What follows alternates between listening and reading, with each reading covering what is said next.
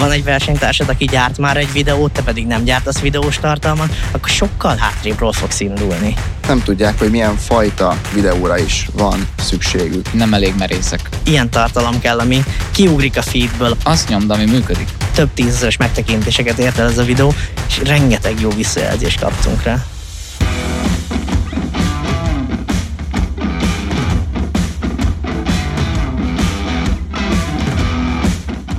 Sziasztok, mi vagyunk a Follow Marketing vezető, és ezzel a podcasttel átírjuk azt, amit eddig az online marketingről és a cégfejlesztésről tudtál. Két év alatt közel 200 milliós cégé fejlesztettük magunkat, egy agresszív átalakulással, és egy olyan céget hoztunk létre, ami belekényszerít minket a sikerbe. Ha szeretnél egy jobb vállalkozást, ami több pénzt termel neked, akkor ez a podcast neked szól. Hozd meg és uralkodj! Ez a több ezer éves tanács akár napjaink szlogenje is lehetne. Mert ha nem vagy jelen a social media világában, brutálisan lemaradsz. Tarts velünk és ismerd meg, amit eddig csak a velünk fejlődő ügyfeleink tapasztaltak meg.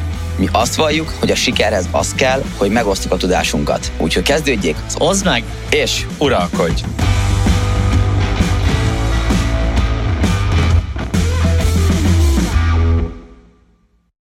Sziasztok, én Baranyai Jörs vagyok, ez pedig az Oz meg és Uralkodj Podcast következő adása. A mai vendégeim Velke Jotta és Mucsi Tamás. Ciao. Ciao. Szia, Örs. Üdvözlöm a hallgatókat. Azért vagyunk ma itt, azért hívtuk meg Ottóikat az adásba, mert köztünk van egy mentorálási folyamat, és mellette ők gyertek rengeteg ügyfelünknek, és a follow marketingnek a saját tartalmait is. Úgyhogy erről fogunk egy kicsit beszélgetni, a tartalommarketing fontosságáról, erről a mentorálási együttműködésről, és arról igazából, hogy ők tartalomgyártóként, szerintem a piac legjobb tartalomgyártóiként, hogy látják jelen pillanatban a, a tartalommarketing alakulását 2023-ban, és mit fognak előrejelezni nekünk 2024-re. Otto, mesélj kicsit a Lemonát stúdióról, hogy mit érdemes rólatok tudni. Hát először is köszönjük a bókot, ez nagyon jól esik, hogy így gondolod. Ugye mi videós és grafikus tartalomgyártással foglalkozunk, előfizetéses modellben dolgozunk, egy éves, minimum egy éves együttműködésekbe gondolunk, stratégiában, ahogy ti is, és hát elsősorban KKV-knak szolgáltatunk, de kerestek már meg startupok és multik is együttműködéssel, de igazából minden olyan cégnek tudunk segíteni, akik ütős kreatívokkal akarják megtölteni a kampányaikat. Mi onnan ismerjük egymást igazából, hogy mi amellett, hogy, hogy a, az együttműködés kialakult, előtte általános iskolában évfolyamtársak voltunk, ha jól emlékszem, évfolyamtársak. Aztán utána mi gyártottuk éppen a videós tartalmainkat, és akkor derült ki, hogy te az irodánkkal szemben laksz több mint két éve, és egyszer találkoztunk aznap, Ah. és azóta van igazából ez az együttműködés közöttünk, mert mondtuk, hogy akkor figyelj, gyere átbeszéljünk, és akkor üljünk le. Igen, de azért említsük meg a szituációt, hogy hogy találkoztunk ilyenkor, szóval, hogy sétálok hazafele, éppen voltam, nem tudom, bevásárlásból jöttem, és akkor látom, hogy a parkolóban, ahol én szoktam állni a kocsival, őrs éppen ül egy, egy ilyen kis motoron, egy gyerekmotoron, vagy nem tudom, hogy te ültél le rajta, és Igen. így látom, hogy gurul egy Mustang mellett, és így nézzük, mi a fasz, ez most így, hogy? Igen, igen, ez, egy, ez egy jó tartalomgyártás volt, erről ismernek minket az ügyfeleink és meg a, a, a piacról, hogy, hogy mindig is beleálltunk az ilyen tartalomgyártásba.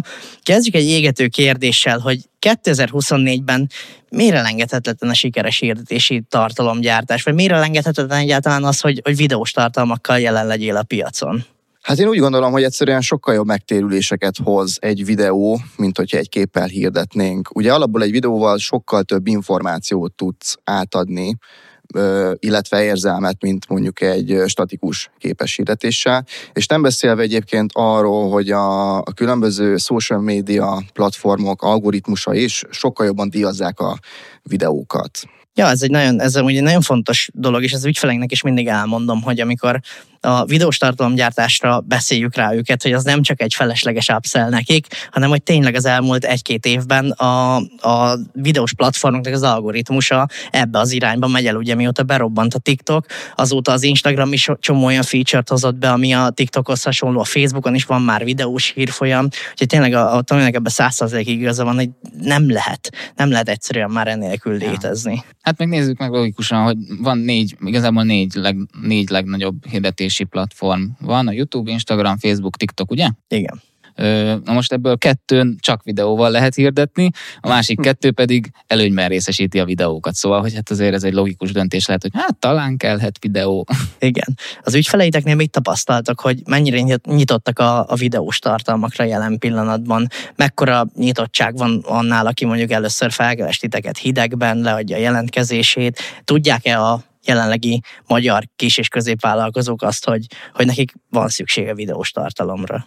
Hát mivel ez a szolgáltatásunk, többnyire csak ezzel keresnek meg minket, de abszolút érzik, hogy, hogy ez, egy, ez egy nagyon fontos dolog. A szolgáltatásunk részét képezi az ilyen grafikus képes hirdetések készítése is, de igazából e fölött itt teljesen el, el, át is szoktak siklani, szóval mm. amikor nézik a szolgáltatást, meg a csomagokat, ez mintha nem is olvasnák el, csak a videó érdekli őket, szóval ez most nagyon kapós ö, termék. Aha, Tomi, te, te is szélszeltél az elmúlt időszakban, te mit tapasztaltál szélszívásoknál? Hát én egyébként azt tapasztaltam, hogy tudják az emberek, hogy szükségük van videóra, viszont azt nem tudják, hogy milyen fajta videóra is van szükségük.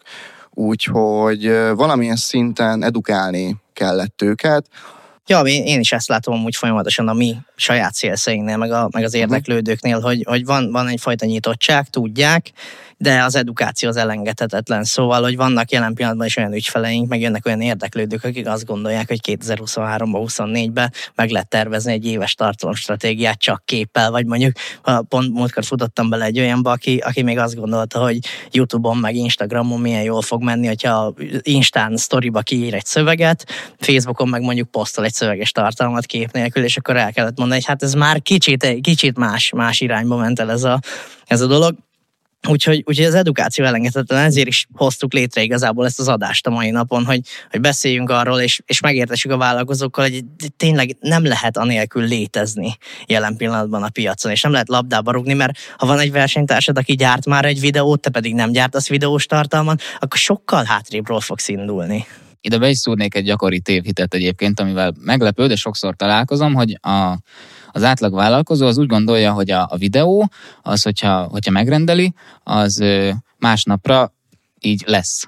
és akkor ennyi, nem kell leforgatni, nem kell meg, megvágni, nem kell vele semmit csinálni, hanem azt csak kvázi kiveszük egy kalapból, mint egy konkrét terméket. De hogy ugye ennek komoly előfolyamata van, amiről majd nyilván beszélünk is. Persze, beszélünk majd a gyártásról, a gyártási folyamatról, meg arról majd ott akarom ezt a témát behozni, amikor a mentorálásról beszélünk, Aha. hogy ott mennyire át kellett variálnotok nektek a gyártási folyamatotokat például. Hát azt át kellett, igen. Ez a gyártási része egyébként, igen, hogy holnapra már, már kell a videó, illetve még egy dolgot én elmondanék, hogy szintén nagyon sokan élnek abban a tévhitben, hogy elég egy darab videó, amivel megváltják a világot, és az egyből, egyből, egyből robban minden platformon, és ezer, ezer e, eladást csinálok abból az egy videóból, ami, ami egyébként így ebben a formátumban nem, nem igaz. Ez lehet egy jó viral videója mindenkinek, de hogy az nem fogja meghozni valószínűleg igen, igen, igen, sikert. Igen, igen. Ja, ja. Jó, figyeljetek, beszéljünk arról, hogy milyen videós formátumok teljesítenek most jól szerintetek a piacon. Melyik platformon érdemes elindulni annak a vállalkozónak, aki hallgatja ezt a podcastet, vagy hogyha egy marketinges hallgatja ezt az adást, akkor mit mondjon mondjuk a főnökének, hogy milyen videókat kéne gyártani? Facebook, Insta, TikTok, story formátum, 16, 9, 9, 16. Mondjatok erről egy picit, picit szakmailag többet, hogy, hogy szerintetek mi az, ami most jól teljesít, és százszázalékosan el lehet indulni rajta? Hát, hogyha nincsen büdzsé, hogyha nincsen büdzsé, akkor mindenképp a TikTok. Organikus elérésekben az a, az a top most. Szóval, hogy Facebookon lehetetlen elérni már szinte az embereket organikusan, a TikTokra lehet nyomni, meg arra mehetnek amatőr tartalmak, lehet tesztelgetni, azt szerintem erre egy tök jó platform elindulásra, ez nagyon jó hogyha már egy kicsit átgondoltabb stratégia van, hogy akkor már egy kampányt szeretnék kiegészíteni a videókkal, akkor onnan, én onnan közelíteném meg ezt, hogy milyen formátum az, ami működik, hogy akkor B2C vagy B2B vállalkozásról van szó. Aha. Mert ugye minden célközönségnél más működik. Két részre bontanám ezt a videóformátumot. Az egyik az, hogy, hogy az egyik reklámon nagyon látszik, hogy reklám, a másikon meg egyáltalán nem látszik, és csak a végén derül ki, hogy ja, azért reklám volt. Na most ugye a lakosság arra vágyik, hogy ne reklámokat nézzen, nem akar reklámokat nézni, azért vesz Netflixet, meg nem tudom, hogy ne a tévés reklámokat kelljen bámulnia, hanem a, majd később a Netflixes reklámokat. Igen. szóval a lakosságnál az működik, hogyha a videón nem látszik a tartalma nem látszik, hogy reklám, hanem egy edukatív tartalomnak tűnik, vagy egy ilyen doksi filmnek, vagy valami ilyesminek, Viszont B2B-ben, amikor üzletemberek, vagy hát amikor vállalkozás ad el vállalkozásnak szolgáltatást, a vállalkozót nem zavarja, hogy ő most egy reklámot lát, mert tudja, hogy az a reklám valószínű segíteni akar neki, csak nyilván a jót kell kiválasztania. És ott meg szerintem abszolút megéri hangosnak lenni, és mondjuk mint a mondjuk ez pont egy B2C, de az alzát tudom felhozni példának, hogy egy ilyen atomidegesítő hangú zöld figurával betörtek a piacra, és mindenki tudja, hogy ezek ők. Szóval érdemes hangosnak lenni, a, a, amikor B2B vállalkozásod van, a lakosságnál pedig úgy kell eladni a videót, hogy Hát, mint hogyha csak úgy gyártanál egy kis tartalmat. Ebből a szempontból egyébként a, a TikTokon a cégeknek nagyon nehéz dolguk van, hiszen uh-huh hogyan gyártsak úgy tartalmat TikTokra, hogy az, hogy az vicces legyen, érdekes, de hogy közben akarok valamit reklámozni. És hát ugye Otto is mondta, hogy az átlag felhasználó utálja a reklámokat, és hogy ezt, ezt kell valahogy úgy megtalálni a, a, a, a céges TikTokoknak, hogy hogy tudják úgy elkészíteni azokat a, azokat a fajta tartalmakat, hogy, hogy azon nem látszódik, nem levágós egyből, egy, hogy egy reklám. Aha, itt a, az Ottónak van egy álláspontja, és akkor itt bedobnám ezt a témát, hogy az Ottó azt gondolja, hogy nem érdemes minden vállalkozásnak vagy vállalkozónak, nem érdemes mindenkinek TikTok platformot csinálnia, és nem kell mindenkinek ott jelen lenni. Én jelen pillanatban marketing szempontból azt gondolom, hogy igenis érdemes belevágni, akkor is, mivel ez egy olyan platform, amit mondtatok, hogy simán otthoni házi készítésű videókkal, egy jó telefonnal már egy nagyon jó minőségű TikTok videót lehet, főleg, hogyha valaki egy, egy CapCut-ot megtanul, vagy valamilyen vágóprogrammal gyorsan ezeket meg tudja csinálni, lehet sikeresen működni. Ezt mondjuk látjuk egy TikTok influencernél, aki otthon legyártja a videókat, és, és nagyon jó, nagy sikereket tud elérni a TikTokon, de mondjuk egy vállalkozó, aki egy idősebb korosztály, ott nem, nem ez a jellemző. Itt erről, erről beszélgessünk egy kicsit, hogy ott túl, miért nem érdemes szerinted mindenkinek jelen lennie? Hát igen, ö, nem is azt mondom, hogy nem érdemes mindenkinek jelen lenni, inkább az, hogy, hogy mire helyeződik a fókusz. Ugye van egy csomó marketing vagy értékesítési csatorna, amit, amit ki kell próbálni egy, egy, egy vállalkozás esetében. Nagyon sok lehetőség van. És én igazából azt vallom, hogy, hogy minden platformot ki kell próbálni, Instagramot, Facebookot, Youtube-ot, Pinterestet, nem tudom, mindent, ami lehetséges, és ami adott lehet a vállalkozásodnak, hogy onnan, ott eléred a célközönségedet. Viszont nem biztos, hogy az a jó irány, hogy azért, mert most mindenki a TikTokra van ráizgulva, hogy nekem is csak ott kell elköltenem a millióimat, mert hogy mindenki azt mondja, hogy az a Szent Grál és az a legjobb. De hogy szerintem ki kell próbálni, ha neked működik, akkor nyomjad, ha nem, akkor meg azt nyomd, ami működik. Ős, nálatok például hogy néz ki a TikTok, vagy ez mekkora részét fedi le az értékesítési, nem tudom, csatornának? Jelen pillanatban amúgy mi is éreztem ettől az évtől kezdve, hogy jelen kell lennünk a TikTokon, úgy igazán már tavaly elkezdtük a tartalomgyártást, de nem volt igazán nagy fókusz uh-huh. erre a platformra helyezve, és akkor ő, ettől az évtől veletek, meg más alvállalkozókkal elkezdtünk kifejezetten csak TikTok csatornára ő, TikTok videókat gyártani, és a podcast is ennek egy nagyon fontos része, mert most már a podcastből kivágott részeket is Ugyanúgy, ja, az mondjuk egy jó content. Ugyanúgy, ugyanúgy posztoljuk, és az, az nagyon jól szokott menni. De nekem például cégvezetőként sokkal kevesebb időm van gyártani tartalmat. Sokkal kevesebb, nem, nem, nem, nem tudom megfogalmazni úgy, hogy, hogy, vagy nem tudom elkezdeni úgy, hogy megfogom a telefont a kezembe, és videózom magam, és összevágom, vagy valakivel összevágom, mert ez egy cégben, ez egy rengeteg időt el tud ja, vinni. Persze, ez szerintem a legnagyobb hiba, hogyha a cégvezető maga kezd el videókat gyártani. Egy cégvezető erre már ne, ne szakítson külön magának időt, hanem akkor dedikáljon olyan időt, amikor alvállalkozókkal profi videókat gyártat. Mert én azt gondolom, hogy egy cégvezető, akinek már van büdzséje arra, hogy tényleg tovább skálázza a cégét, és már csak a tartalmakat kell folyamatosan gyártani, akkor igenis ezt meg kell lépni, ezt a, ezt a lépést. És ezért is ő, kezdtünk el veletek dolgozni ettől az évtől, mert én tudtam, hogy nekem nem, én nem elégszem meg azzal a szinttel, amilyen tartalmaink voltak eddig, hanem azokat a tartalmakat egyel följebb akarom emelni, és én akarok a piac elején járni a tartalomgyártásba, és ez rendszeresen hál' Istennek vissza is jön például a jelentkezőktől, hogy na azért, mert a ti marketingetek ilyen, na ezért szeretnék én is veletek dolgozni, mert nekem is ilyen marketing kell, és nekem meg cégvezetőként, hogy a tartalom marketing mekkora szeletét teszi ki a mi marketingünknek, sokkal jobb, hogyha olyan ügyfél jön be, aki ideális ügyfél számomra a tartalmaim által, mert azonos vagyok, mert olyan az összes munkatársam, amilyen én is vagyok, mert tudunk együtt dolgozni jól az ügyféllel, ő is olyan marketinget akar, szabadjára lehet engedni a kreativitást, és nem kell beskatujázni magunkat, mondjuk egy, egy mondok egy jó példát, egy magázódó kommunikációba, egy nagyon átlagos stockfotókat kiteszünk készítünk, vagy csinálunk egy imásfilmet, hogy cégünk 96 óta ezzel meg ezzel foglalkozik. Ez kurvára senki nem érdekel, vagy érdekel egy bizonyos célközönséget, de én nem ilyen marketinget akarok nyújtani az ügyfeleim számára. És ebben óriási szerepe van a TikTok tartalomgyártásnak is. Igen, de ez amúgy egy tök jó gondolat volt szerintem, hogy a tartalommarketing egy picit elő is szűri a, a, a újonnan érkező ügyfeleket, a vásárlókat, hogy hogyha tényleg önazonosan gyártod a tartalmakat, akkor olyan emberek fognak jönni hozzád, akik valójában rád vágynak a te szolgáltatásodra, a te termékedre, és akkor hát kevesebb is a utólagos ilyen ügyfél probléma. És akkor, ahogy Ezáltal. ti állítjátok, addig érdemes ezt házon belül megoldani, ameddig nincs büdzsé rá? Vagy, vagy ez, a, ez a felvetés, hogy addig, addig old meg házon belül, amíg nincs büdzsé, vagy amikor már inkább tekints rá befektetésként, és különíts erre az elejétől költséget, és fektes az elejétől tartalommarketingbe.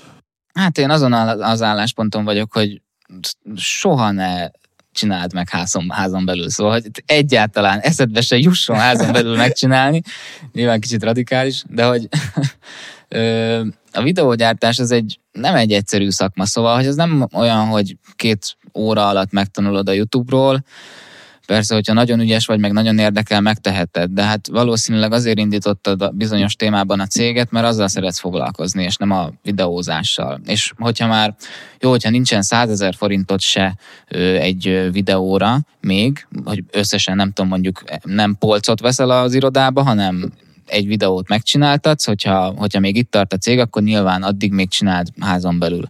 De hogyha már mondjuk 100 ezer forintot maradjunk ennél, össze tudsz gyűjteni, akkor már egy videót legalább csináltass meg, és inkább, még hogyha nem is olyan jó, de jobb számokat fog hozni a social médiában, jobb számokat fog hozni a kampányokban, és azzal már lehet egy kicsit büdzsét termelni arra, hogy később majd profi videókat csinálj. Viszont szerintem nagyon sok időt elvisz egy cégvezetőnek. Inkább foglalkozz a saját dolgoddal, és, és bíz meg egy amatőr videóst az elején, aztán termelj büdzsét, és utána hív föl minket, és akkor mi gyártunk szépeket. Marketing és cégfejlesztés szempontjából amúgy én is azt látom, hogy, hogy addig a, addig a pontig nem lehet egyszerűen tovább skálázni a vállalkozást, nem lehet megugrani azt a bizonyos következő lépést, ameddig nem kezdesz el mondjuk erre külön költséget hmm. elkülöníteni, még nem profik a tartalmaid, és ezt sok ügyfelünknél látok. Mondok egy élő példát rá, van egy ügyfelünk, ö, nem mondok iparágat, nem mondok termékcsoportot, egy webshop,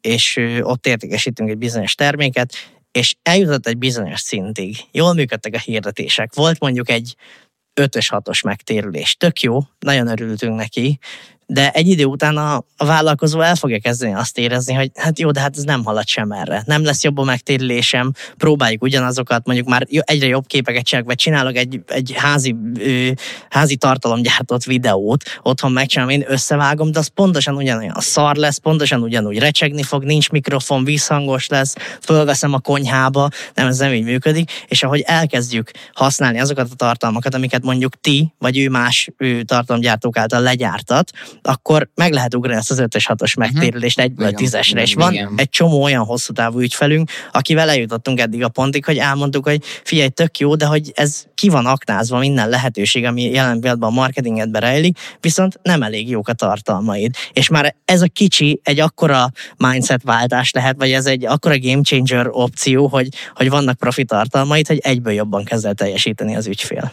Hát lényegében, hogyha eredményeket akarsz, és hosszú távon szeretnéd ezeket az eredményeket, akkor igenis be kell fektetni ebbe, ebbe a tartalomgyártásba. És most vagy, vagy A opció, hogy megpróbálsz kinevelni ö, videósokat, de hogy azért ahhoz is, ahhoz is találnod kell két olyan embert a cégedbe, akik eljön. Tehát ugye az is pénz, Hát meg úgy kell fölvenned, hogy egyáltalán nem értesz hozzá, mi alapján veszed föl. Szóval, ja, hát igen, az meg a másik. Az jónak tűnik. Igen. Meg, meg így, itt csak a Tomira reflektálva, hogy te egyből azt mondtad, hogy két embert kell kinevelni, ja, és, ti, meg háromat. és, ti, és ti úgy gondolkoztok egyből ebbe, de, de az az ember, aki, aki mondjuk a, a mi ügyfelünk, vagy aki eljön hozzánk ügyfél, vagy ügyfél lesz belőle valamikor, ő úgy gondolkozik, hogy a belső tartalomgyártás van, hogy hát itt egy marketing asszisztens, majd ő megcsinálja telefonnal. De én tudom, hogy nekem ez volt az első élményem, amikor leforgattuk az filmünket, hogy eljöttetek, akkor még csak ketten jöttetek el arra a forgatásra, és a Tomi szerintem egy jelenetet fél egy órán keresztül világított be nekem,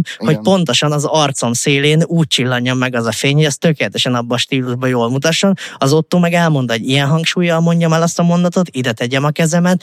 37-szer vettük újra, emlékezetek vissza, amikor le kellett tennem a szék lábához, a szék lábához a pénzes zsákot, Igen. és ezt egy csomószor újra kellett vennünk, és ezek is, hogy, hogy milyen kis dolgok. Hogyha a marketing asszisztens Mancikának ki van ez szervezve, ő valószínűleg oda pont itt a telefonom, így betartja a fejed elé, és akkor elmondasz valamit, és jószarul összevágja. Hát meg Mancikának millió egy dolga van még ezen kívül, ja.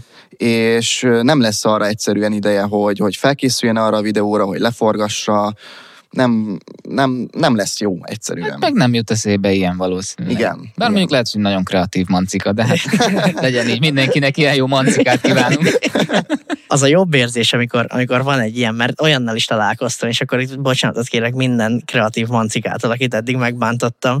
Láttam olyat, amikor egy marketing asszisztens igenis tud jó videót vágni, mert mondjuk mellette pont olyat találtak, aki TikToker, vagy, vagy bár volt valamilyen tartalomgyártó tapasztalata, de azért nem ez a, ez a nagy többség, akinek van ilyen ilyen, ilyen munkatársa. Igen. Arról beszélünk egy kicsit, ti látjátok, és akkor ki is ventilálhatjuk magunkból ezeket, Na. hogy mik a legnagyobb hibák egy videós tartalomban. Mi az, amit mondjuk megláttak egy, egy Facebook hirdetést, és azt mondjátok, hogy fú, bazd meg, ez mennyire kurva szar lett, és ez, ez, ez biztos, hogy valami nagyon amatőr csávó csinálta.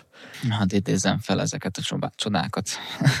Nekem, nekem én mondom, én mondok egyet, egyet ami, ami volt, és az a kedvencem, amikor stockfotókból, vagy stock videókból és stock fotókból van összevágva, vagy találnak egy hasonló terméket, azt valahogy fellogózzák, és én ettől kikészülök, amikor mondjuk csak a kép aljára oda van téve a termék, valahogy megoldják, hogy forogjon közben, és mondjuk egy kesztyű eszembe jutott, hogy meg, láttam múltkor egy ilyen hirdetés, és akkor a fellogózott stock kesztyű forog körbe egy pixeles logóval, és mellette egy undorító zene szól alatta, és fogalmam sincs, hogy mi történik az a hirdetése, de ilyenkor tök fölöslegesnek tartom a videós tartalomgyártás, hogyha valaki ebbe beletett mondjuk fél egy órát, hogy egy cégvezetőnek vagy egy vállalkozónak igenis meg kell tanulnia azt, hogy, hogy olyan dolgokba fektesse az idejét, amire megéri, mert hogy elkeserítek mindenkit, hogyha eddig ilyen tartalmakat gyártott, vagy gyártatott, akkor innentől ne gyártson ilyen tartalmakat, mert nem éri meg. Vegyük például ezt, amikor valaki fektetett videót vesz fel, beszél mondjuk a kamerának a szolgáltatásáról, és a vágás során kiegészíti ezt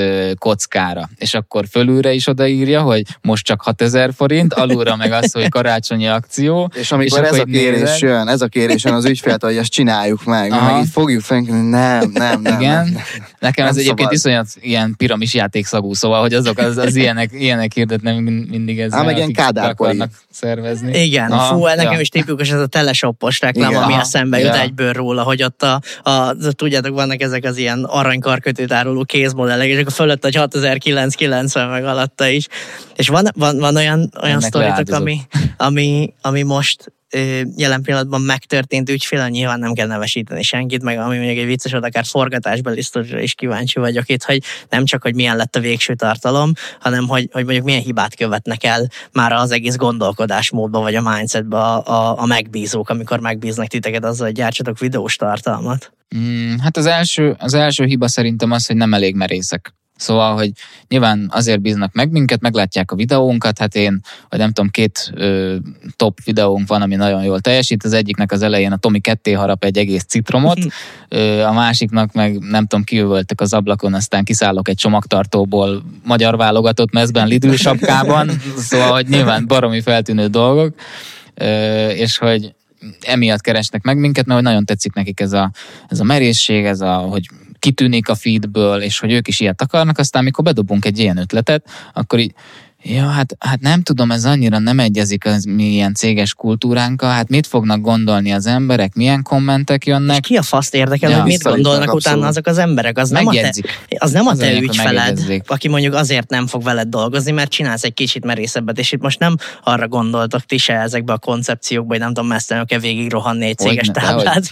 táblát Pedig amúgy milyen jó lenne. Igen, bár egyszer itt Sokan megnéznék egyébként. Igen, de hogy nem, nem erre gondoltok is, és a legkisebb dolgot én például például olvastam olyan koncepciótokat, ami nekem nagyon tetszett, és azt mondtam, hogy ez nagyon jó, ezt meg kell csinálni egy közös ügyfélnél, és utána azt láttam egyszerűen, hogy ő visszautasított, hogy ő uh-huh. ezt nem vállalja be, pedig nem nagy dologról volt szó. Úgyhogy ez, ez amúgy szerintem is egy nagyon, nagyon kirívóan nagy probléma, hogy nem merik bevállalni azokat a dolgokat, amiket, amik igazán sikeresítehetnék a tartalommarketinget. Másik hiba, ami eszembe jutott, hogy nagyon tudják, hogy mit akarnak, és hogy, és hogy ők nagyon-nagyon elképzelték, hogy pontosan mit kell nekik legyártanunk. Ugye van, aki úgy tekint ránk, hogy hogy persze bízunk bennetek, csináljátok, ahogy ti jónak látjátok, szakemberek vagytok, nyomjátok, és akkor lássuk, hogy mi lesz belőle. Van, aki pedig általában, akinek mondjuk már van előképzettsége, vagy nem tudom, egyetemen tanult ilyen marketinget, nekik szokott elképzelésük lenni, ami, ami alapvetően tök jó, csak mondjuk nem elég nyitottak a mi ötleteinkre. Erre például már volt példa, hogy nem tudom, mondjuk többnyire inkább csak kivitelezőként működtünk, és gyártottuk a videókat az ő elképzeléseik szerint, aztán mondjuk sikerült átnyomnunk egy ötletet, egy saját ötletet, hogy de csak nézzük már meg, hogy hogy működik, és hát nyilván felrobbant. Jó, Murphy törvénye lehet, hogy igen, ez igen. most pont csak izé mázli volt, de hogy amúgy meg érdemes a mi ötleteinkre is nyilván hagyatkozni. Ez szerintem elsődleges hiba, hogyha nem, te, nem, nem tekintek egyenjogú ötletként az összes ötletre, és az enyémeket mindenképp előnyben részesítem. Igen, ez nagyon jellemző, hogy mind a, a marketing kivitelező szakmában, akár tartalomgyártó kivitelezőről, akár PPC ügynökségről beszélünk, hogy az ügyfél, erről beszéltünk is a második adásunkban, hogy, hogy nagyon kont- kontrollmániás az ügyfél, mm-hmm. és azt mhm. gondolja, ja, hogy ő jobban is. tudja, neki, neki jobb az az ügyfél, vagy jobb az a hirdetés, amit ő elindít, ő jobb képet csinál, neki az, a, az olyan gondolkodás, hogy van egy ilyen kommunikációs irányba menjünk el, és ez nagyon nagy probléma szokott lenni, pedig nekem itt akkor saját sztori, hogy akkor mondjuk el a hallgatóknak, hogy az imásfilmünknek a, a koncepcióját, azt ti írtátok igazából, és ti, ti találtátok ki az egészet. A, hogyha valaki még nem látta, akkor be fogjuk linkelni majd ide a leírásban, nézzétek meg mindenképpen ez a Bluff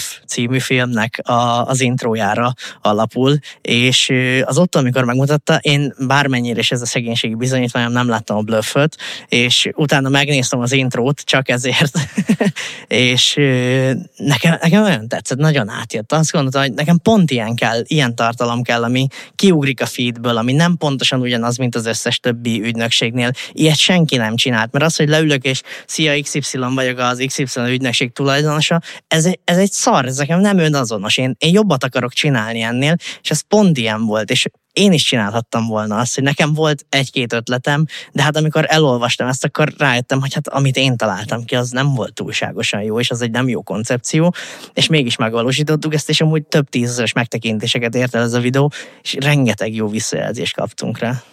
Na hát ez szerintem egy tök jó olyan reflexív tulajdonság tőled, hogy félre tudtad tenni a saját ötleteidet, mert szerintem is baromi jó lett alapvetően a kivitelezés. Szerintem extra sok energiát fektettünk bele, szóval már az ötletelésnél is forgatókönyv, meg hát a világítás, amit te csináltál, Tomi, az... Igen. Hát nehéz volt a helyszín. Igen, mondom, fehér falak. Ilyen Null, nulla helyszín ismeret. Igen, és akkor azt, hogy bevilágítani. Először jöttetek oda, tényleg emlékszem, és még soha nem volt, hogy tetőtér oda, fehér falak. Kicsi a hely, fehérek a falak, csúnya. Igen, igen nem, nem és a, a, a fényelés miatt nem lehetett, vagy a, a, az utólag a színezés miatt nem lehetett igazából bevilágítani sehonnan, ha felkapcsoltuk a lámpát. Az volt a, a probléma. fehér falról amúgy annyi szakmai info, csak mert ezt lehet, hogy nem tudják a hallgatók, vagy nézők, hogy amikor egy ilyen fehér falú szobába ülsz be és világítani akarsz, akkor tudod irányítani a fényt, amit mi akarunk egy forgatás során, hogyha nem veri vissza az összes fal azt a fényt, amit te kilősz. Szóval, hogyha akármilyen irányba világítasz, ugyanolyan fény lesz, az nem jó. És a fehér fal mit csinál? Minden visszavert. Igen, igen, igen. igen. Ez egy ideális helyszín volt. Igen hol az a vékony jég, amit meg kell találni, hogy, hogy nehogy túlmenjen egy ilyen videó, ne legyen túl merész, hogy bevállaljon valamit egy cég. Ugye mondtad itt, hogy nem merik bevállalni, mert hogy a céges kultúrának, az, hogy a céges kultúrában már nem fér bele. Mi az a, ezt, ezt hogy lehet megállapítani egy ügyfélnél? Vagy az ügyfél meg tudja maga állapítani, vagy ezt a videós ügynökségnek a felelőssége megállapítani? Hát szerintem elsősorban a videós ügynökségnek a felelőssége azért eldönteni, hogy mi az, ami már ízléstelen. De amúgy meg vékony a jég, meg minden, de hogy valójában szerintem mindent ki lehet próbálni. Hogyha valami rossz irányba megy el, hát az rögtön kiderül a kommentekből. Szóval azonnal, azonnal reagálnak az emberek, és hogyha jó, hogyha ilyen óriási a, az ilyen gyűlölet áradat, hát akkor akkor nyilván kiderül. Szóval a videós ügynökség ezért felel, hogy egy ilyen gyűlölet áradat ne induljon el. És mi van, hogyha elindul? Az, az, ez, ez szerintem egy nagyon izgalmas kérdés. Aha. Hogyha én, kiszá, vagy én kiszervezném valakinek a videós gyár, vagy a videós tartalomgyártásomat, akkor én biztos, hogy a, először első kézből a videós ügynökségen próbálnám leverni azt, nyilván normális keretek között itt mindenkit, ne, senkit nem bántori, bátorítok arra, hogy próbálja meg leverni a kiszervezett marketingét valakin, de, de hogy én biztos, hogy először azért titeket tennélek felelőssé, de gondolom minden vállalkozó is így tenne, hogy hát, de hogy ti hoztátok a koncepciót, ti hoztátok az ötletet, Utána nyilván az önreflexióval, hát rajtam keresztül ez csak átment, szóval hogy én is elfogadtam. De szerintetek itt ki a felelősség, vagy, vagy hogy hol van az a vékony határ, hogy, hogy az ügyfél beleszóljon, vagy ne szóljon Hát bele. inkább abban van a hatás szerintem, hogy mit nevezünk tényleg ilyen gyűlöletáradatnak, és mi az, ami még támogató negatív komment. Szóval, hogy az, hogyha nekünk a legjobb videóink alatt nagyon sok beszólás érkezik a kiejtésemre, a hajamra, nem tudom, mindenemre, nyilván ezt helyén kell kezelni, az elején nehéz volt, de hogy amúgy meg azok hozzák a legtöbb konverziót. Szóval az, hogyha van, nem tudom, 10-20 negatív komment, mellette 30 pozitív, az baromi jó. Vagy, sőt, még hogyha többen negatív, az is teljesen jó, tök sok konverziót hoz. És aztán elindulhat az a folyamat, amit én már megtapasztaltam, és hihetetlen élmény volt, hogy teljesen random emberek az interneten engem bevédtek. Más random emberek támadásától. Szóval, hogy így szerintem ez egy tök jó folyamat, én alapvetően ebben ebben hiszek, hogy amúgy megosztónak kell lenni. Ezt a határt nehéz megtalálni, hogy mi az, amikor már túllőttünk egy célon, és akkor már csak a negatív jön. Hát az, az nem jó. Mert negatív marketing is marketing, de tudjuk, hogy nem teljesen. Igen, itt a, a kommentelés az, egy, az szintén egy érdekes téma, mert nálunk is ugye úgy, hogy a mi videónk alapvetően olyan szempontból nem megosztó, hogy én nem gondoltam soha, hogy majd erre, erre bizonyos kommentek jönnek, de én mindig, mindig el szoktam mondani, én azokat a kommenteket szeretem a legjobban, amikor, amikor valaki úgy ténylegesen úgy indulatból leír, hogy te bajszos köcsög, vagy te bajusz geci, vagy ilyenek szoktak jönni, de régen, régen Ezt volt... de régen, régen erről, ö, vagy régen a Lacinak is jöttek ugyanezek a kommentek, de tök mindegy, hogy Még mit bajsza ki. volt. És még bajsza se volt, igen, az volt a legfurcsább, előre tudták. De, de hogy, hogy ezt, ettől szerintem egy cégvezetőnek, vagy annak, aki szerepel azon a tartalmon, nem szabad eldántorodni, hogy ezért nem gyártok tartalmat, mert mondjuk folyamat, vagy meg fognak engem szólni. Hát én sem érdekel, hogy megszólják a bajszomat, sőt, igazából imádom azt, hogy azzal tudok már, már valamilyen hatást kiváltani az emberekből, hogy az arcomon van egy bizonyos részen egy szőr egy csomó, bazd meg, Amit már évek óta neveztesz. igen, évek óta neveztek, és ezen gondolkoznak az emberek, hogy jó, most jól megírom neki. De ettől függetlenül tudom, hogy az az ember, aki megírja oda, az, az soha nem lesz az ügyfelünk. Annak senki nem fogja befolyásolni, a, a, vagy az ő véleménye senkit nem fog befolyásolni, és ne, ez, ezzel egyszerűen nem kell foglalkozni. Egyszer olvastam egy jó, egy jó gondolatot egy csoportban, nem is tudom már hol volt pontosan, de az úgy szólt, hogy a, az teljesen normális, hogyha a kutyák ugatnak a holdra, de hogyha a hold visszaugat a kutyára, a kutya híressé válik. És mindig ezen, ezen gondolkozom én is, hogy jól megírja oda alá, kiventilálja azt, hogy éppen nem tudom, drága a tej, hogy a gyerekem a rossz volt az iskolába, hogy kapott egy beírás, hogy utálja a munkáját, odaírja alá, és akkor mi lesz, nem kell veszekedni vele. Én, én őszintén elmondom, hogy mindig, aki, aki ír egy ilyet, az tiltás, törlés, kész, nem foglalkozok vele. Hogyha valaki, aki most éppen tartalmat akar gyártani, és ezen gondolkozik, az ne foglalkozzon azzal, hogyha van egy jó tartalom, vagy valaha gyártott tartalmat, ne azért ne gyártson, mert volt egy-két idióta, aki aláírt, alá kommentelt valamit. Hogyha van valakinek konstruktív kritikája, akkor neked kell lenni vállalkozóként annyi önreflexiódnak, meg kell lenni annyi ö, magabiztosságodnak, hogy te abból elviszel valamit, hogy hát igaza van, mint amit te mondtál, hogy ja, hát a kiejtésemnél legközelebb odafigyelek, hogy azt úgy mondjam ki. Vagy nem tudom, de az, hogy az, hogy odafigyelek, és ezért úgy fogok öltözködni, mert, ahogy ő akarja, vagy levágatod a hajadat, mert azt írta egy kommentel, hogy milyen a hajad, hát mi a fasz köze van hozzá? Nem. És szerintem itt jön képbe az amúgy, hogy amit mondanak is sokan, hogy addig tud nőni egy vállalkozás, amíg maga a cégvezető tud nőni. Szóval ameddig mondjuk ezen a személyes elakadáson nem tud túllendülni, hogy ez mennyire zavarja őt, addig, vagy még nem elégedett a külsejével, vagy ilyesmi, addig addig nem tud ezt tovább menni, kellenek a tartalmak. de ne veszünk el a részletekbe itt a kommentáradatba, meg a, a komment cunabióba, hogy milyeneket kaptunk. Beszéljünk arról egy kicsit, hogy mi az, amit ti javasoltak általában egy ügyfélnek, aki leszerződik veletek? Milyen stratégiában gondolkozzon? Havonta hány videót posztoljon? Egyáltalán hogy néz ki nálatok ez az együttműködés? Hát nálunk különböző csomagok vannak, alapvetően három csomagban gondolkozunk. A legkisebb csomagunk az úgy néz ki, hogy két havonta egy videót készítünk el. Ez igazából pont arra elég, meg, meg mellette nem tudom, egy csomó grafikát, de hogy, de hogy most a videót kérdezted. Ö, ez pont arra elég, hogy az értékesítés tudjon futni, ne égjenek ki a tartalmak, mindig legyen valami új kontent, és hogy alapvetően működjön a vállalkozás. Itt még nem érdemes annyira brandépítésbe gondolkozni, TikTok tartalomgyártásba sem, mert most, hogyha ezt az évi, hát hogyha két havonta csinálunk hat videót, évi hat videót, ha előjük hat darab TikTok videóra, hát akkor jó, kidobtuk azt a pénzt. Remélem most egyik ügyfelünknél sincs ez. De ha van, akkor szóljatok. amit, amit mondasz, hogy hogy ez támogatja az értékesítését, hirdetési videókról beszélünk, szóval hogy azt, azt jegyezzük meg a hallgatóknak, hogy itt konkrétan hirdetési videók készülnek két havonta egyszer, és az online marketing szempontból én alá tudom támasztani, hogy vannak olyan helyzetek, ahol, hogyha mondjuk a büdzsé nem engedi meg, vagy mondjuk olyan is találkoztam, ahol annyira jól fut, hogy két havonta égnek ki mondjuk a tartalmak, akkor két havonta egy tartalmat bőven elég frissíteni, és azt legyártani egy jó koncepcióval, mert azzal lehet folyamatosan utána tovább menni. Ja. Hát mi is így, így hirdetjük kvázi a saját Igen. szolgáltatásunkat, ti is nagyjából így. Igen. Ja, úgyhogy hát igazából ez a legkisebb csomag, aztán ugye, hogyha nőnek a, nő a bevétel, akkor nő a büdzsé a videóra is, el lehet kezdeni brandet építeni, és akkor lehet a nagyobb csomagokba átváltani.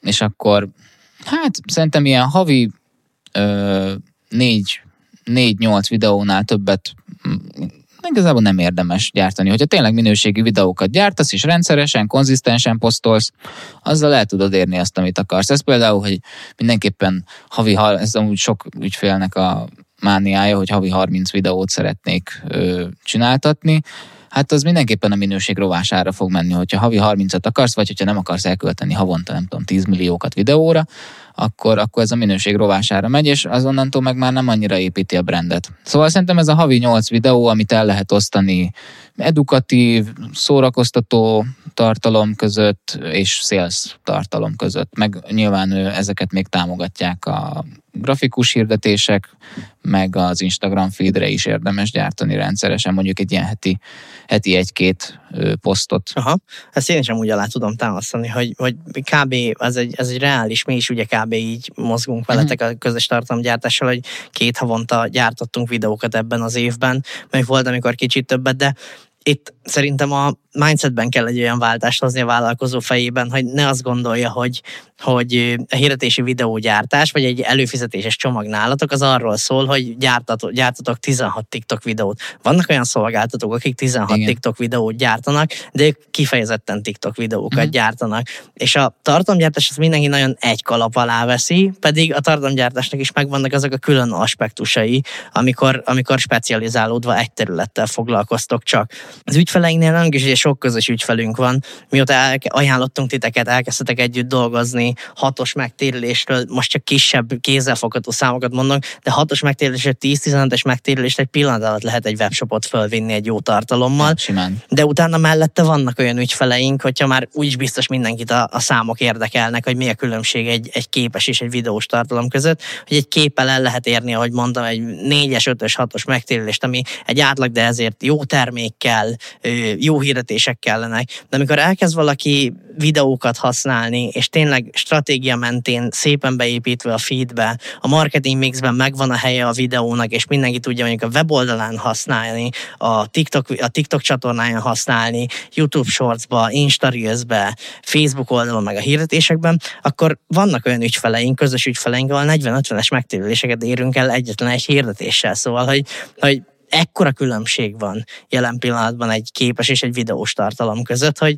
én, én mindig azt mondom, hogyha bejön hozzánk valaki, hogy persze kell kalkulálni a mi díjunkkal, kell kalkulálni még mellette a hirdetési költséggel, meg légy szíves, akkor az elején kalkulálj, hogyha igazán komolyan gondolod egy videós tartalomgyártónak a költségével, mert csak akkor fog jól működni, ha komolyan gondolod. Mit tanácsolnátok annak, aki most kezd videós tartalomgyártásba? Mik azok a főbb pontok, amitől működik egy jó videó? Uh-huh. Hát igazából vannak különböző receptek, amiket már így az évek során tökére fejlesztettek. Uh, ahhoz, hogy megértsük, hogy mitől működik, vagy hogy mikor működik, és kinek működik ugye egy videó, ahhoz először rá kell jönnünk, hogy mitől is jó egy videó. Hát elsősorban egyébként egy célt határozzunk meg, hogy mi a célja egyáltalán a videónak, amit amit mi közölni akarunk, hogy edukálni akarunk vele, vagy, vagy szórakoztatni másokat, vagy magunkat, vagy esetleg eladni. És hogyha ezt a célt meghatároztuk, akkor, akkor csatoljuk hozzá a hozzátartozó célközönséget is. Na és most, hogyha ezzel megvagyunk, akkor utána mehetünk tovább, hogy ugye egy jó mondani egy példát közben, csak hogy kicsit így tudjuk vizualizálni, hogy mondjuk mi a te, mondjuk egy kesztyű a termék. Hát például snowboard kesztyű, az most így első, első, elsőre azt mondanám, hogy, hogy, hogy, hogy fiatal a célközönség, többnyire férfi, úgyhogy egy ilyen bevállalósabb, merészebb kommunikációt. Na, egy gyors pörgős igen, egy gyors pörgős, gyors, igen, igen, igen, igen, igen.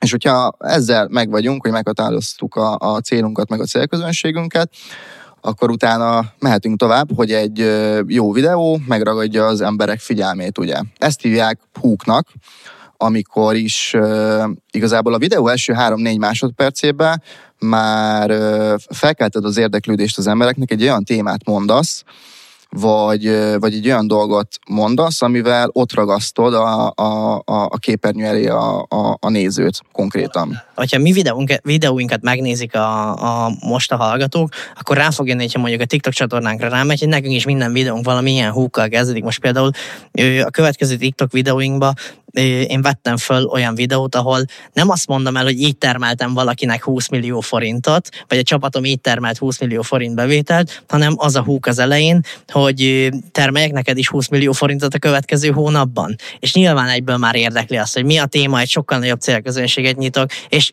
az üzenetet igazából csak egy kicsit fordítottam meg, mert utána azt mondom el, hogy az ügyfélnek hogy termeltem 20 millió. És nagyon durva, mert egyébként tényleg végtelen számú húk létezik, és neked az a, a, az a cél, hogy egy olyan húkot találj, ami a célközönségedre a legjobban illik uh-huh. egyébként. És hogyha ez nincs meg, akkor igazából neked lehet bármilyen jó videód, vagy bármilyen fontos tartalmat, vagy információt elmondhatsz, nem tudom, feltalálod a rák ellenszerét, viszont hogyha erre neked nincs egy jó húkod, akkor, akkor senki nem fogja megnézni, hanem egyből elszkrollol.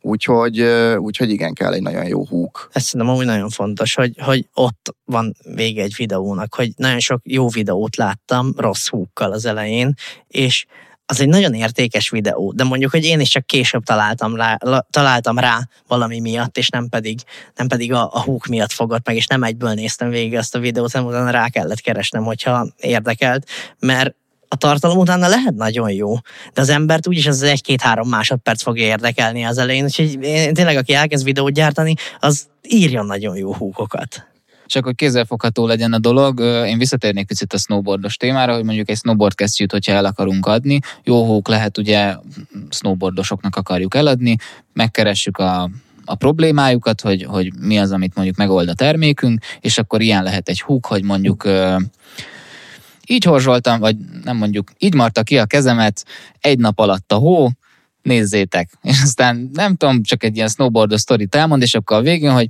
hát, de most már vettem egy snowboard kesztyűt, és mostantól mindig biztonságban vannak kezem, és akkor csá. Igen, és itt, itt konkrétan ilyesmi. a te példádon itt a legvégén derül ki egyébként a reklám. Aha, hogy, ez pont egy ez, lakosságnak szóló igen, videó, ugye az elején sztoriként adod elő, ezért fú, de fájt a kezem, igen. nagyon nehéz ez volt, teáznom kellett a hüttébe.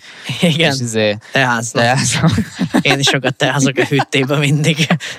igen. Illetve mellé természetesen kell egy pörgős vizuál, hogy vágóképek, gyorsvágások, hangeffektek, ja, ez is fontos, feliratok. ilyen két másodpercenként kéne vágni egy jó videóba, vagy három, két-három másodperc, nem? Amit te ja, vágtál ja, többet. Igen, de nyilván ö, Szóval ne át a ló túlsó oldalára se, szóval az se, hogyha ha tényleg epilepsziás rohamot kap a néző, és, és annyi, annyi vágás kell. Igen, de ha ez a cél, meg kell határozni igen, a célt. Igen, igen, ez a cél. Igen, igen, igen, igen. De akkor fogyasztóvédelmi Illetve... szempontból ugye ezt közölni kell az elején, felejtsük el, hogy ezt fel kell iratozni. Na mindegy. Hát, el, elég sok még nem ért el a fogyasztóvédelem. igen, igen, igen. Illetve tök érdekes, hogy a, a, a felirat mennyire fontos lett egyébként a videók TikToknak a, a TikTok térnyerésével. Szóval a tartalomgyártók rájöttek arra, hogy ha, ha, ha feliratozok egy videót, és igazából már az sem mindegy, hogy hol helyezed el, mert hogyha a videó olyan helyezed el a, a, a feliratot, akkor a, a szemeddel már egyből úgymond energiát kell befektetned abba, hogy egy arcot is kell nézned, meg a feliratot is nézned.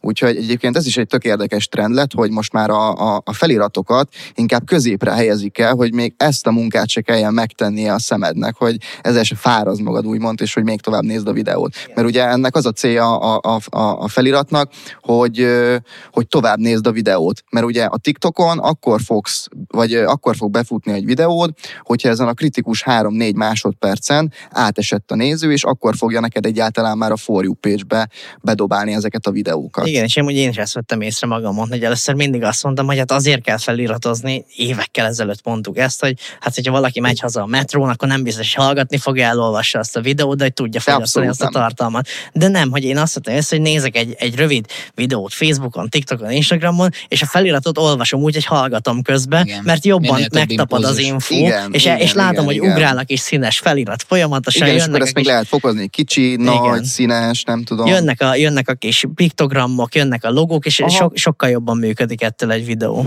Mielőtt tovább mennénk, most felhívnám a figyelmeteket egy exkluzív lehetőségre, amit csak a podcastünk hallgatóinak nyitunk meg. Az ügyfeleink kapnak tőlem egy belső hírlevelet, amiben csak nekik kommunikálunk, nem kapnak tőlünk bullshiteket, hanem csak marketing tippeket, külföldi és hazai trendeket, illetve a cégfejlesztésnek azon módszertanát, amit mi is folyamatosan használunk a cégünkben. Várunk a followmarketing.eu per podcast oldalon, és válj sokkal eredményesebb az online marketingben és a cégfejlesztésben egyaránt. Oszd meg, és uralkodj! Most pedig vissza az adáshoz.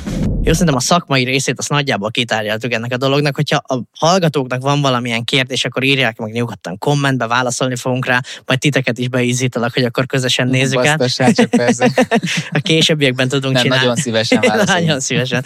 A későbbiekben csinálunk akár egy, egy kérdezfelelek videót, amiben válaszolunk ezekre a kérdésekre, hogy a tartalomgyártásban azért tudjunk titeket is segíteni, mert végül is ennek a podcastnek ez a célja, hogy ezt a tudást megosztjuk, meg azt a, azt a tudást osztjuk meg, ami a meghívott vendégeinkben van, akik most éppen inni próbálnak, és mégis meg akarom szólítani őket. És ezért oszd meg, és uralkodja. Kitaláltad, nagyon, nagyon branding meg. szempontból ez egy nagyon jó felkonf lehetett volna a következő témára, ami pedig az lesz, hogy köztünk van egy stratégiai partnerség mellett van egy együttműködés is, egy, egy mentorálási folyamat, mivel bizonyos időközönként szoktunk olyan cégekkel együttműködni, akiknek szüksége van valamilyenféle segítségnyújtásra, és mi, hogyha látjuk, hogy ezt meg tudjuk adni, akkor mindenféle ellenszolgáltatás nélkül igazából ö, megadjuk nekik ezt. Jelen pillanatban is van egy ilyen projektünk, meg veletek is fut ez még, de hál' Istennek veletek olyan gyorsan haladtunk, és annyira jól megcsináltatok minden nagyon rövid idő hát alatt. Csak beröffentettük a motort, Igen, már.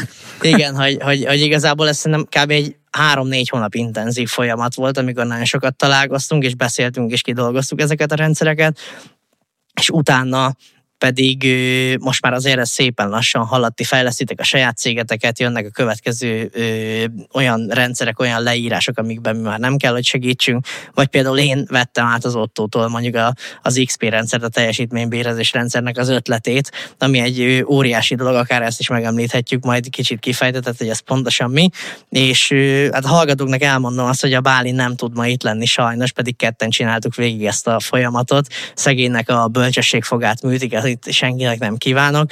Úgyhogy a, a Bálintot csak mindenképp megemlíteném, hogy ő is nagyon nagy segítségünkre volt ebben a folyamatban, és sokszor adott olyan nézőpontokat, amiket mondjuk én nem tudtam volna megadni nektek.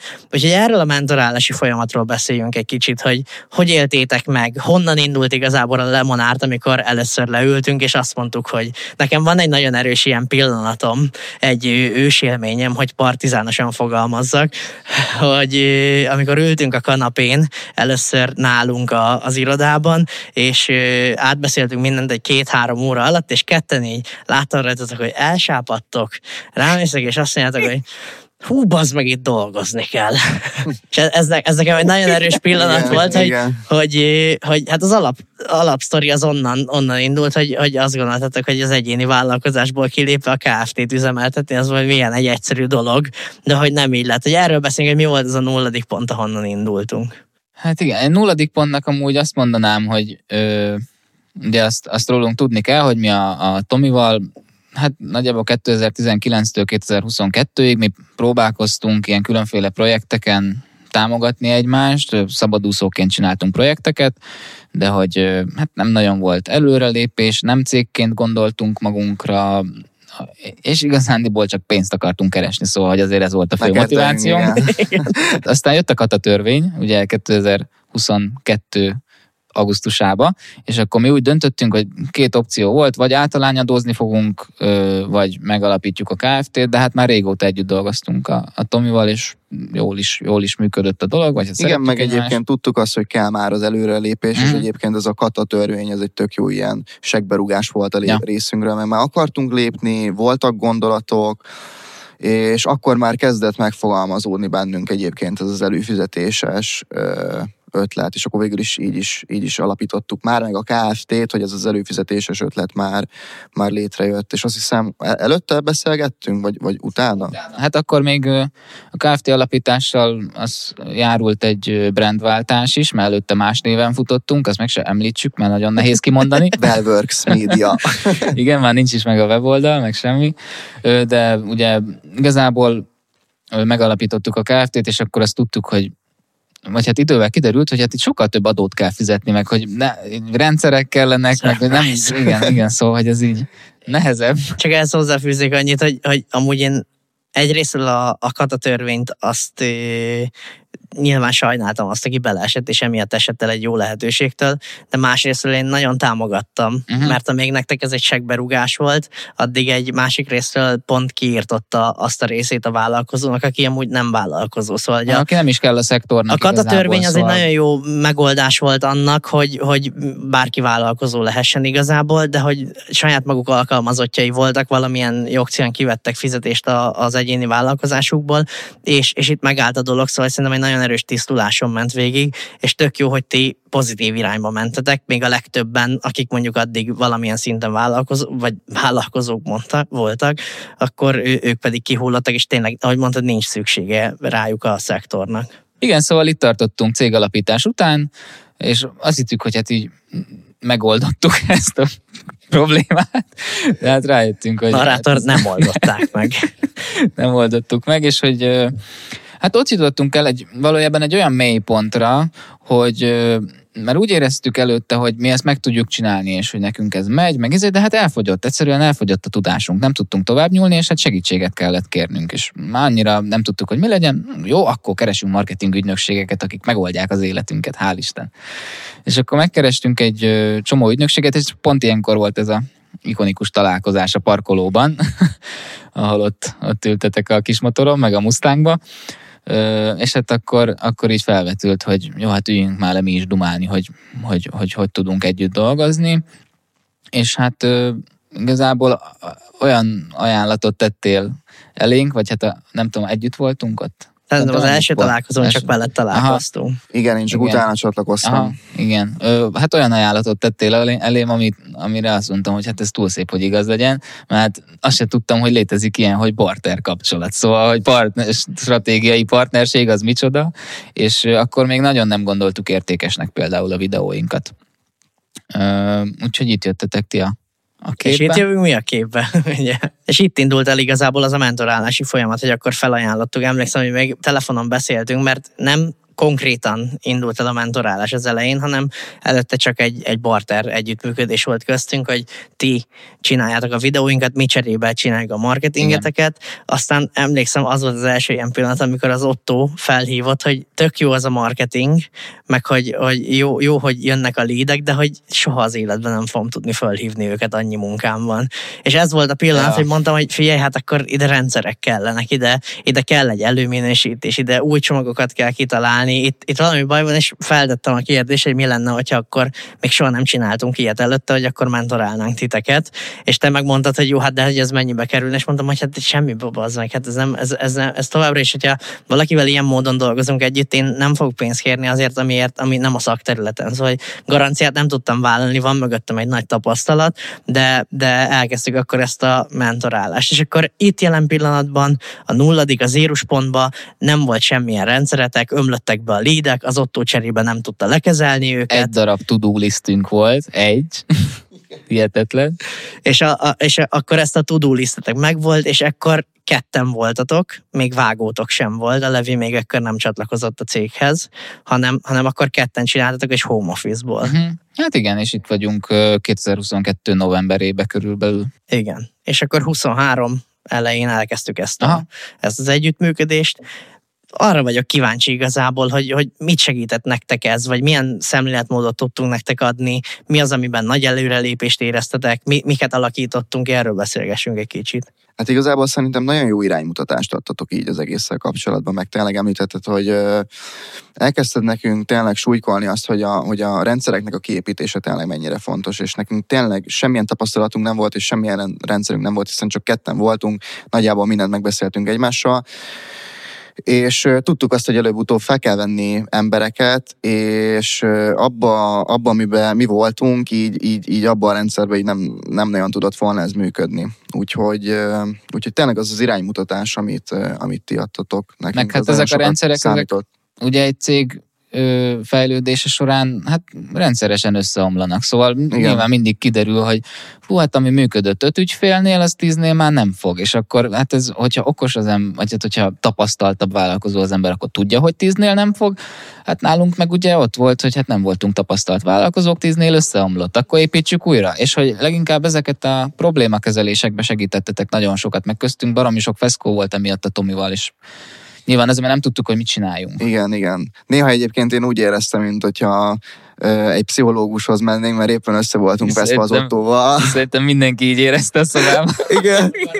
és ott elkezdtünk veszekedni Ottóval, ti meg így néztetek, és mint valami Yoshi barát, vagy nem tudom, ott izé. Mint hogy egy ilyen párkapcsolati tanácsadás igen, igen, volna, igen, olyan igen, volt igen. az elején. Emlékszem, mert, mert hát nyilván egy csomó konfliktus adódott abból, hogy az Ottó átgondolt, te meg Béd, de hogy igazából volt egy közös metszet, amit mindketten gondoltad, de csak nem volt leírva, igen. nem volt megfogalmazva, és egy csomó konfliktus alakult ki ebből. De én szerintem alapvetően tök jó dolog, hogy ennyi mindenben különbözik alapvetően a véleményünk, de amúgy mindig egyre gondolunk, csak más, más megközelítésekből. Hát igen, ez a metszet. Ezt a metszetet segítettetek mindig megtalálni köztünk. Mert ez is szerintem egy tök érdekes dolog a vállalkozásban, hogy hogy hányan kezditek el, és hogy akkor egyedül építed, az ezért nehéz. Ketten építitek, az ezért hárman, meg az azt nem sem tudom képzelni, hogy hogy jutok dűlőre néha. Nekem amúgy például ez, ez nagy segítség. Én, én sokkal nehezebben vállalkoznék egyedül, ezt száz százalék. Az, hogy ketten, ketten meg azért nehéz vállalkozni, mert ott egy az egy lehet maximum, hogyha nem tudjátok eldönteni.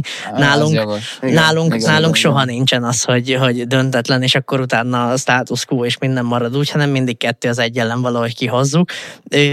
Ezért például amúgy én nagyon szeretem azt, hogy hárman vagyunk tulajdonosok, és hárman tudunk mindig, mindig egy dologra gondolni.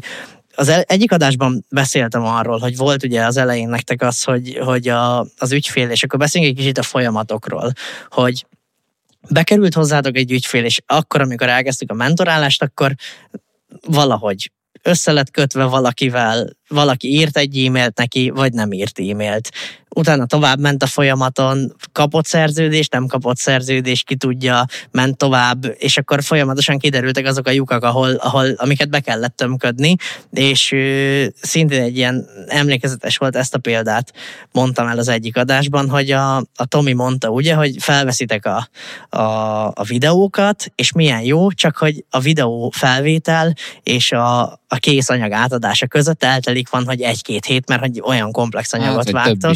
De igen. És hogy ilyenkor nincs kommunikáció, és itt van a legtöbb panasz már, hogy, hogy nem tudják, hogy mi van, hogy mi az, hogy felvettük. És ide vezettük be ugye azt, hogy ilyenkor betettetek plusz kommunikációt. Tomi, emlékszem az elején volt egy közös ügyfelünk, akinek küldött képet, meg én is, amikor ott voltam, küldtem képet, hogy nézd, most vágja a Tomi a videót. Ez el volt ájulva tőle, hogy milyen olyan olyan rendszerek vannak jelen pillanatban még a cégben, mire így büszkék vagytok, hogy jól működik, hogy, hogy tényleg a lemonártnak a szívét, lelkét, meg az ügyfélélmény alapú kiszolgálását adja. Hát én egyébként, amire így tök büszke vagyok, egy ilyen mini, mini hírlevél, vagy nem tudom, hogy miután elküldtél nekünk egy, jó, egy ajánlatot, addig két nap múlva fog téged felkeresni az értékesítőnk, és addig, addig a két nap alatt kapsz tőlünk két e-mailt, amiben konkrétan jobban bemutatja a mi vállalkozásunkat, képeket rólunk, egy kicsit mesélni arról, hogy mitől is jó egy videó, és, és hasonló. Nagy megy a bizalomépítés már az elején, igen, nem hívjátok. Igen, igen, igen. Van előkommunikáció. Mert itt is, ez is, egy, ez is ugye az, arra is jó nekünk, hogyha esetleg föltorlódnak a lídek, és mondjuk az értékesítőnk nem tudja lekezelni az összes lídet, akkor legalább tud vele szervezni, és nincs az a pont, hogy jó, hát ma kell mindenkit fölhívnom. Nem, tudja, hogy két nap múlva kellene mondjuk fölhívnom 20 embert, és hogyha nem fog sikerülni, akkor nekik még ma tudok írni egy e-mailt, hogy figyú, nem aznap foglak hívni. Aha. Úgyhogy Aha. Erre tök jó, hogy egy kicsit eltolja, és, és hagy időt átszervezni a dolgokat, hogyha kell. Nagyon jó. Jelen pillanatban most mennyien vagytok pontosan? 80. 80, igen. Ez az úgy kurva nagy fejlődés, szóval, hogy a... Ja, hát januárban még idén ketten, ketten voltunk, most igen, már 80. Durva. És nagy iroda, meg minden, úgyhogy nagy, nagy durva. igen. Te és milyen jó az irodátok, láttam, hogy most Aha. ment a felújítás, festés, minden helyen már megvan, ki van bérelve, hogy hova ülhetek, hogyha megyek? Ja. Hát, Neked bármikor. Persze, vettünk sámlit. jó, szuper. Tényleg én nagyon büszke vagyok arra a fejlődésre, amit, amit elértetek. Most jelen pillanatban, mióta bevezettük a rendszereket, hogy néz ki az ügyfél megtartásotok, mekkora a fluktuáció, mennyire elégedettek az ügyfelek, utána számoltatok el, nem kell pontos bevételt sem mondani, hogyha akartok, de hogy kb. hogy alakul jelen pillanatban az árbevételetek mondjuk a januárihoz képest? Hát egyébként tök érdekes, mert jó május óta minden hónapunk rekord hónap. Wow. Úgyhogy, úgyhogy ez elég, elég király. Fluktuáció egyelőre nem, nem jellemző. Hát most a bevétel az nagyjából szerintem ilyen januárhoz képest ilyen tízszeres Aha. havi szinten, és hát ugye folyamatosan nő, úgyhogy, úgyhogy kifejezetten nagyot, nagyot nőtt a bevétel is. Sőt, a igazából elértük is. a maximum, maximum kapacitásunkat. Ja, igen. Idén már nem tudunk forgatni igen. senkinek. E, ez amúgy, ez amúgy egy nagyon jó dolog, és ezt pont én múlt héten mondtam a Bálintéknak, hogy mennyire jó, hogy ti úgy terveztetek előre kapacitást. Mi jelen pillanatban ugye ti megállítottátok ebbe az évbe a, a felvételt. Ja, most újraindult egyébként, de mindegy. De, de hogy, milyen, hogy milyen jó lehet nektek, hogy, hogy ti nem fogadtok új ügyfelet, mi meg mindig úgy álltunk hozzá ebbe az évbe, hogy hát persze, hogyha annyi ajánlatkérésünk jött tényleg, hogy mi is megtripláztuk az ügyfélszámunkat, és annyi ajánlatkérésünk jött, hogy mindig fel kellett venni egy embert, hogyha, hogyha valamelyik területre mindig kevesen voltunk, és hogy ez, ez egy nagyon jó eredmény, meg az is egy jó mentalitás szerintem, hogy hozzáálltok jelen pillanatban, hogy tudjátok, hogy honnan indultok, és ez egy, ez egy rekordfejlődés, szóval, hogy ez a mentorási folyamatnak a végén a, a, olyan, olyan eredmény, amit szerintem nem is gondoltunk volna az elején, hát és, és, nagyon, és nagyon jól működtök együtt, mint cég, meg voltam nálatok, ugye, amit a Tomi itt, még nem forogtak a kamerák, azon vagy arról beszélt éppen, hogy én mindig oda megyek, amikor az én videóimat vágjátok, és ott ülök, és lihegek a nyakatokba, hogy ide szeretnék egy ilyet, meg ide, meg itt vágjuk, ez rövidebb, és hogy ott vagyok nálatok, és, és nagyon jó az a céges kultúra, amit kialakítottatok, úgyhogy ezt gratulálok, mert hát tényleg nagyon, nagyon szépen fejlődik ez a cég, és jövőre biztos vagyok benne, hogyha így folytatjátok tovább, akkor tudjátok ezt a céges kultúrát tovább növelni egyre több emberrel, és teremtetek egy csomó értékes munkahelyet, úgyhogy biztos vagyok benne, hogyha éppen videós szakmában szeretnék elhelyezkedni, akkor nagyon vonzó lenne a Lemonártnál dolgozni, mert nagyon jó nálatok dolgozni. Hát eddig nem volt egyébként, amúgy ez egy nagyon érdekes dolog, most úgy bővültünk nyolc főre, hogy egyáltalán nem kerestünk munkaerőt. Szóval csak úgy jöttek hozzánk emberek, hogy figyú, én szeretnék, szeretnék jönni hozzátok, van hely. Igen, és így is van már ebből még három jelentkező. Ja, most is vannak sorban állók, hihetetlen, hihetetlen élmény. És az értékre egy picit most visszatérnék, csak most ez a szó így meg, megcsengette a fülemet, hogy ugye mondtam, hogy a, a kata törvény, vagy hát így a KFT alapítás előtt ö, kvázi az volt nekünk a célunk ezzel az egész szabadúszással, hogy hát pénzt keressünk. És ö, e, ebbe hoztatok egy váltást, egy szemléletváltást nálunk, hogy ö, egyrészt mi nagyon nem hittük el azt a videóinkról, hogy értékesek, hogy, hogy ezek tényleg segíteni tudnak embereknek, és hogy ez milyen jó. Mi gondoltuk, hogy hát ezek szépek, nyilván baromi sok munka van vele, szóval muszáj elkérni az árát, de hogy így nem gondoltuk valójában olyan értékesnek, és ti segítettek, segítettetek megtalálni így az értéket, ami szolgáltatásunkban, meg egy, meg egy picit értéket is adni hozzá, hogy, hogy tényleg az üzleti ismeretek azok nagyon sokat tettek hozzá, hogy mi tudjuk most már, hogy hogy működik egy, egy, egy vállalkozás, és hogy emiatt tudjuk, hogy na akkor ebbe a vállalkozásba egy új ügyfélnek hova érdemes beszúrni videót az ő, ő fanneljeibe. És, és most már tényleg értjük ezt, és tudunk segíteni, és ez, ez amúgy baromi jó érzés, hogy, hogy egy, egy valódi értékké vált a mi szolgáltatásunk abból, hogy mezei videósok voltunk. és mennyi vállalkozó keresi ezt, mondjuk ezt az élményt a saját vállalkozásába, hogy a, amit, amire ugye sokszor utalok, hogy, hogy mm, sokszor saját maguk alkalmazottja, és nem szeretnek vállalkozni, de mennyivel jobb úgy vállalkozni, tudod, hogy értéket teremtesz, tudod, mm-hmm. hogy valami pluszt adsz valakinek a vállalkozásához, vagy közösen, mivel stratégiai partnerségbe dolgozunk, közösen tudunk adni valami nagyon komplex, nagyon jó szolgáltatást ügyfélnek. Van rengeteg közös ügyfelünk, aki, aki el van ájulva mind a két szolgáltatástól, és azt mondja, hogy, hogy jó, figyelj, hát örülök, hogy megtaláltalak titeket, minden egy kézben van igazából, mert közös a kommunikáció, eljöttök közös meetingre, át tudjuk beszélni, briefelünk titeket, megírjátok a koncepciót, úgyhogy ez, ez szerintem egy nagyon szuper folyamat, amin, amin elindultatok. Hogy látjátok a jövőt? Hol a lemonártnak a, a kapacitásának a vége? Mi az, meddig szeretnétek nőni? Mik a célok most a következő időszakra? Remélem minket azért nem akartok kidobni, néha összeülünk még beszélgetni. Hát most, most ugye akkor ezt erre most, de hogy most ezt. Most, most akkor ezt közölni szeretnénk, hogy köszönjük szépen ős az eddigi munkáidat. Nem, hát szerintem köztünk elsősorban biztos, hogy ez egy nagyon gyümölcsöző és hosszú távú kapcsolat lesz, mert nagyon hasonló szerintem a gondolkodásunk, így a fejlődésről, a cégkultúráról, meg így amblok emberileg is. Úgyhogy szerintem ez, ez biztos, hogy gyümölcsöző lesz a jövőben, és hát a lemonárt. Azt, hogy az meddig tud nőni igazából. Szerintem határa csillagoség. A jövő évi célunk az úgy van meghatározva, azt mondhatom, amit már mi kiszámoltunk. Uh-huh. Hát jövőre ö, igazából duplájára akarunk bővülni. Ez van célként meghatározva, ilyen nagyjából szeptember-októberig szeretnénk ezt elérni. Úgyhogy számoltunk kockázatot, és meghatároztunk bizonyos profit összegeket, hogy ennél az összegnél, hogyha ezt elérjük így januártól számítva, akkor fölvehetünk egy új szerkesztőt, fölvehetünk egy új izét, meg van határozva, hogy teljes tábot, hogyha akarnánk egybe fölvenni, annak mi az összege, és ugye ebben nem csak ö, nem csak ö, ilyen egyszerű díjak vannak, meg egy hónap, nem rögtön úgy akarjuk bebiztosítani, hogy akkor három, három hónapra előre legyen meg mindenkinek a fizuja, számoljunk a bónuszokkal, a, akkor, hogyha túl sokan lesznek, akkor kell még egy céges autó, nem tudom, ilyen dolgokat figyelembe vettünk, és most úgy számoltuk ki, hogy a duplázást ezt nagyjából jövő év októberére ö, tudjuk tenni. Ez ugye a biztonságos rész, és ott elérünk egy olyan pontot, ahonnan nagyjából két havonta tudunk duplázódni. Aha, ez tök jó. Igen, mert sajnos, vagy nem sajnos, vagy nem tudom, mert tényleg tökre hasraütés szerűen ment egy, egy csomó ideig, hogy akkor most mennyire adjuk a szolgáltatásunkat, mennyi videó legyen a csomagba, és hasonlók, és az elmúlt pár hónapban tisztázódott az bennünk, hogy akkor, hogy akkor ez, ennek tényleg hogyan kéne működnie, és uh, igazából így jött ez az eredmény, hogy akkor uh, jövő októberben tudjuk elérni azt a szintet.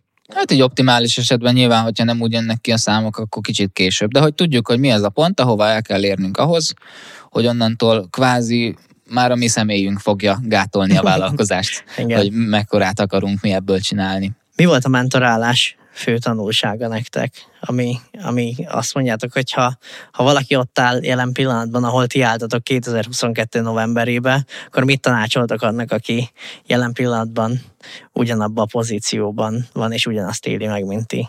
Legyen nagyon kitartó, én, én ezt tudnám mondani. Kérjen segítséget mindenképpen, hogyha segítségre van szüksége, kérjen segítséget, és, és ne érezze cikinek egyetértek, mert elengedhetetlen, sok vállalkozóval veszem körbe magam, és azok, akik sikeresek, azok mindig kérnek valamilyen módon valakitől segítséget, mert szerintem nem létezik olyan emberi kapcsolat, amikor nem tudsz valamit elhozni, valami értékeset. Nyilván hát ez tudni kell olyan kapcsolatokat kialakítani, hogy tudja ból te is kivenni, meg te is tudja adni bele valamit, de, de szerintem ez egy nagyon fontos dolog, hogy, hogy merjenek igenis segítséget kérni, és, és, és, és legyenek kitartóak, mert ez egy kurva nagy munka, hát nehéz. egy céget építeni a nulláról, rengeteg lemondással jár, de aztán utána meg nagyon megéri a végén. Hát mert egy, egyébként nagyon merésznek is kell lenni szerintem. Azt nem tudom, hogy tudod, de, de amikor elkezdtük az együttműködést, és az első hirdetésünket elindítottuk, akkor igazából mi lapot húztunk 19-re, és az utolsó pénzünket tettük fel Ottóval. Igen, ott nem volt más opció. Nem volt, szóval itt most vagy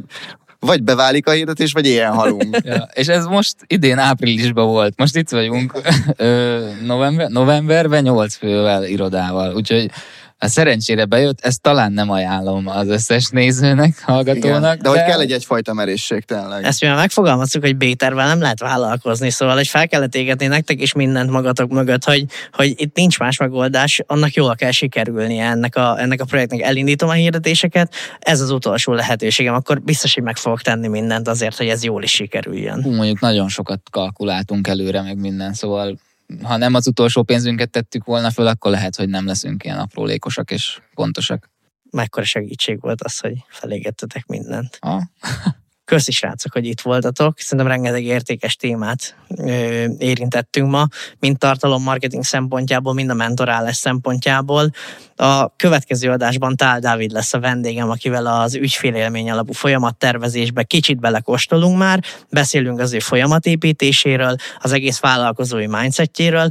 Ezt az epizódot pedig ne felejtsétek el értékelni Apple Podcast-en, Spotify-on, YouTube-on nyomjatok egy lájkot nekünk, és írjátok meg kommentbe a véleményeteket. Két hét múlva pedig találkozunk. Céget építeni és céget fejleszteni rendkívül nehéz feladat jelenleg, ezt az összes ügyfelünknél tapasztaljuk.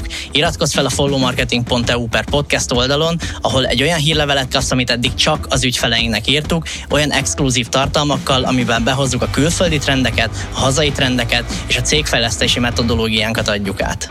Tehát gyere, iratkozz fel a followmarketing.eu per podcast oldalon, és találkozzunk két hét múlva a következő Oz meg és uralkodj adásban.